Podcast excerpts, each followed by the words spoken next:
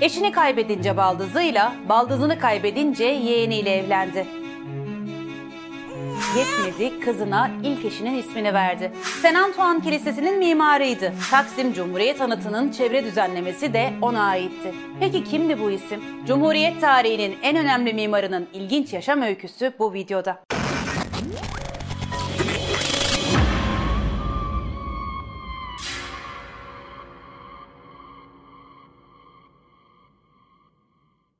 Levanten kökenli Türk vatandaşı Giulio Mongeri, 1 Ağustos 1873 tarihinde Luigi Mongeri ve İngiliz kökenli Tekla Taylor'ın en küçük çocuğu olarak dünyaya geldi. Ailesi Tanzimat Fermanı'ndan sonra Avusturya'nın İtalya'ya işgali sonrası 1848 yılında Milano'dan İstanbul'a geldi ve İstanbul'daki Levanten topluluğuna katıldı. Felsefe ve tıp eğitimi alan babası Luigi Mongeri Girit'te yaşadı. İstanbul'da kolera salgını çıkınca İstanbul'a gelip salgının yayılmaması için uğraştı. Hatta kolera salgını için karantina uygulamalarında bile bulundu. Salgının yayılmaması için adeta bir yol haritası hazırlayan Luigi Mongeri, 1. Abdülmecit döneminde Süleymaniye Darüşşifası'na doktor olarak atandı. 3 yıl sonra da hastanenin başhekimi oldu. Sultan Abdülaziz döneminde de padişahın isteğiyle Toptaşı Darüşşifası'nın başına getirildi. Giulio Mongeri 9 yaşındayken babası vefat etti. Annesiyle birlikte amcalarının yanına Milano'ya döndüler ve Giulio orada büyüdü.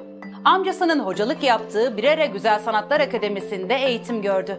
Mezun olduktan sonra İstanbul'a geldi ve abisi Federico'nun Büyükada'daki evinde yaşadı. Büyükada'da yaşadığı dönemde İtalyan Hayır Derneği eski başkanı Napolyon Copadini'nin kızı Caterina yani Keti ile tanıştı ve evlendiler.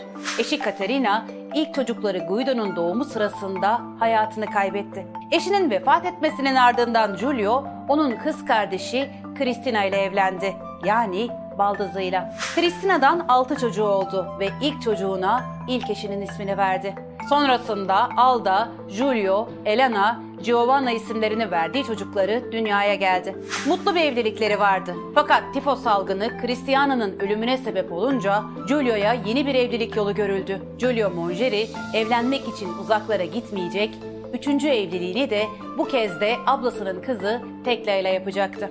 Bu evlilikten de Margarita isminde bir kızı dünyaya geldi.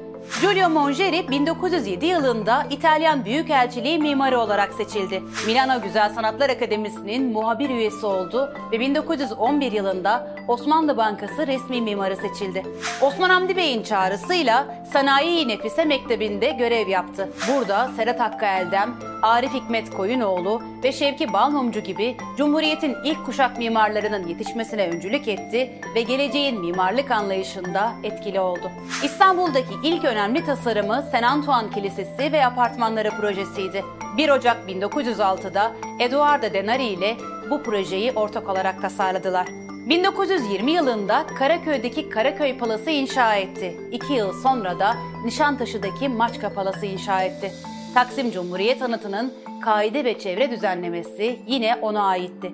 Giulio Mongeri 1941'de Venedik'e göç etti ve orada yaşamını yitirdi.